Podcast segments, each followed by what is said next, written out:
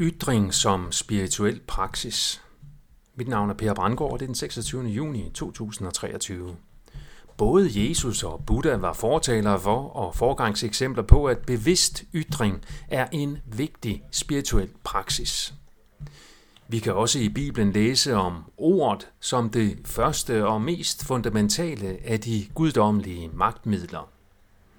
Ret tale er det tredje ud af de otte basale principper i læren fra Buddha.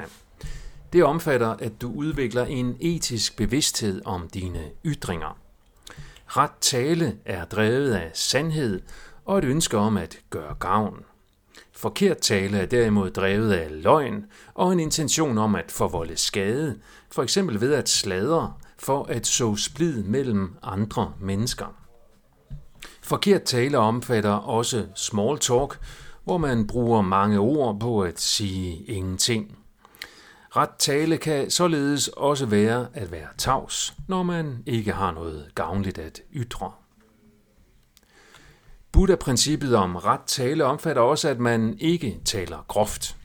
Det er så her, hvor der kan være en mulig konflikt mellem Buddha og Jesus, i det Jesus bruger, hvad nogen vil opfatte som grov tale, når han omtaler de skriftkloge og fejserende som blandt andet hyklere, slanger, øjleyngel, blinde tåber og fulde af rovlyst og griskhed. Men hvis ordene er i overensstemmelse med sandheden, og hvis de er udtalt med en intention om at gøre gavn, så er det stadigvæk ret tale. Uden sammenligning i øvrigt, så havde jeg også en sag, hvor jeg tiltalte to DSB-folk og tre politibetjente som fascister. Jeg blev i Københavns Byret idømt 10 dagbøder af 850 kroner, da dommeren vurderede, at ordet fascist var såkaldt fornærmende tiltale mod politibetjent, som er forbudt jeg mener stadigvæk, at det var at praktisere ret tale, når jeg tiltalte autoritetspersoner som fascister i en situation, hvor deres adfærd levede præcist op til ordbogens definition af ordet. Dommeren valgte imidlertid at tilsidesætte ordbogens definition for i stedet at bruge en anden, ukendt definition af ordet, og han gav mig en nøje udmålt bøde, der var lige under ankegrænsen. Når jeg næste gang står i en tilsvarende situation, hvor fascister insisterer på at kvæle mig med mundbind, så vil jeg overveje, om jeg vil kalde dem for blinde tåber i stedet for. Pointen er, at grov tale spirituelt set afhænger af den intention, som ordene er drevet af.